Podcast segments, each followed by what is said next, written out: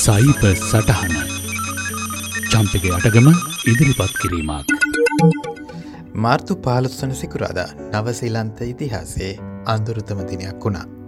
ක්‍රයිච්චස් නගරේ මස්ජිඩ් අල්නූරු පල්ලියට සන්නද්ධ වැතුළූ පුද්ගලෙක් ස්වයංක්‍රිය රයිෆල් යොදාගෙන පල්ලිය යාඥා කරමින් සිටි මුස්ලිම් පැතමුතුන්ට දිගට හරහට වෙඩි තබන්නට පටන් ගත්තා. මින් පනස් දෙනෙක් ජීවිතක්ෂයට පත්ව අතර විස්සකට අධික පිරිසක් බරපතල් ලෙස්තුවල් ලැබවා. මේ බිහිසුණු ප්‍රහාරය සයිභ මාධ්‍ය භාවිතාව පැත්තෙන් ඉතා භයානක ප්‍රවණතාවයක් සනිටුහන් කලා. ඒ තමයි ඔහු එම සමූල ඝාතනය වෙනුවෙන් පැමිණීම සහ ඒ වෙඩි තැබීම. හිස පැළඳි හෙල්මටේ රඳවා තිබූ ගෝප්‍රෝ නම් කුඩා නමුත් ඉතා ප්‍රබල කැමරාව කරා සජීවීව තමන්ගේ ෆේස්බුක් ගිනුමෙන් විකාශය කිරීම.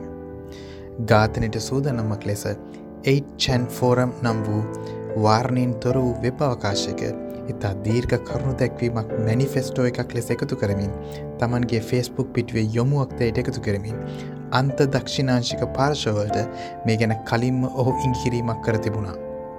ඒ නිසා විනාඩි දාහතක් තිස්සේ ඔහුගේ වෙඩි ප්‍රහාරය නිසා නිරායුධ අහිංසකයන් ඇද වැටෙද්දී එය ඒ මොහොතේම ඉතා විශාල පිරිසකට දර්ශනය වුණා. Facebook, YouTube, Twitter යන ආයතන විනාඩි විස්සක් ඇතුළත මෙම වීඩියෝව ඉවත් කළේ නවසිලන්ත පොලිසිය ඉල්ලීම මතයි. නමුත් පැයි විසි හතරක් ඇතුළත මෙම වීඩියෝවම විවිධ ක්‍රමහරහා ජාලගත කිරීම මිලියන එක දශම් පහක් ඔවුන්ට නැවතිවත් කරන්නට හෝ අප්ලෝඩ් ප්‍රයත්නයන් අවහිර කරන්නට සිද්ධ වුණා. කිසිම මාධ්‍ය ආයතනයක් මෙම සංගීති දර්ශනය විකාශය නොකරන්නට වග බලා ගත්තත්. එලෙසින් සයිභවකාශයට එකතු කරන ලද යමක් සියට සීයක් ඉවත් කරන්නට බැහැ. එහි භාගත කරන ලද දර්ශන හෝ වීඩියෝවේ නිශ්චල ඡායරූප හෝමාර්වීම නැවැත්වීම අතිශයා පහසු කටයුත්තක්. මේ ත්‍රස්තවාදයේ එක් බිහිසුණු ප්‍රවණතාවයක්. මෙලෙසින් අයිසිස් නම් ඉස්ලාමිකන්තවාදී සංවිධානයද තමන් සන්තකයේ සිටින සිරකරුවන් ඝාතනය කරන අයුරු සහ ඔවුන් හරහා සතුරු රටවලට අනතුරුවැකවීම් කරන අයුරු අප දැක ඇත්තෙමු. අන්තර්ජාලයේ ඩාක් වෙබ් නම් වූ අවකාශයේ නිර්නාමික ලෙස මෙම කල්ලි තමන්ගේ ප්‍රචාරක සහ ආයුධ හෝමාරු කටයුතු ජයටම කරගෙන යනවා. ඩාක්වේ බවකාශයේ මෙලෙසින් රහසිගත කාරණා සංසරණයට ඔවුන් තාක්ෂණ යොදාගන්නා අතරේ. අනෙක් අන්තය වන සැමටම විවෘත සර්ෆෙස් වෙබ් අවකාශයේ ලයිව් ස්ට්‍රීමිං වෙබ්ලොග් අඩවී Twitter YouTube යන අධියෝදාගෙන තමන්ගේ පනිවිඩේ ඉතා සැනින් සහ සාහසික ලෙස ජනගත කරන්නට මෙලෙසින් පෆෝමන්ස් ක්‍රයිම් සිදු කරනවා. උදාහරණයක් විදියට ඉහත ඝාතනය සිදු කළ පුද්ගලයා ප්‍රකාශයට පත් කළ මැනිෆෙස්ටෝව මෙතරම් ප්‍රසිද්ධියක් ලැබුණේ ඔහු ඒ වෙනුවෙන් කළ අපරාධය පරිමාණයේ ඉහළකම නිසා.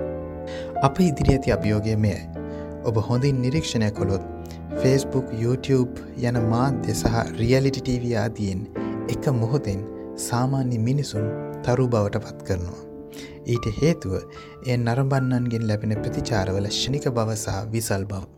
මිනිසුන් අතරේ ගැටුමක් අපහස කර ගැනීමක් පවා ෆේස්බුක් වගේ මාධ්‍ය හරහා ලැව්ගින්නක් විදිරශයාවීම ඔබ දැක ඇති.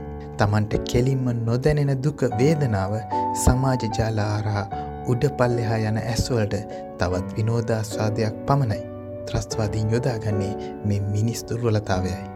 එනිසා ඔබත් මින් පස්සේ ෂයාබොත්තම ඔබත්ති ඔබෙන් මසන්න එ බෙදාහන්න පනිවිඩියෙන් වෙනත් කෙනෙකුට සෙතක් වෙන්නේද. එහි සත්‍ය භාගෙන ඔබට වගකිව හැකිද. ඉන් තවත් පාර්ශවයකට සිත්වේදනාවක් අගතියක් නොවන වකට ඔබට සහතික විය හැකි දෙයන කාරණා ගැන. හේතුව රූපවාහිනිය ගොන් විදිලියමෙන් නොවේ. සමාජජාලා ක්‍රියාකාරිත්වයේ සාධනය වෙනසක් සිදුවිය යුතු නම් ඒ ඇරඹිය යුත්තේ අපකින්ම නිසාවෙනි.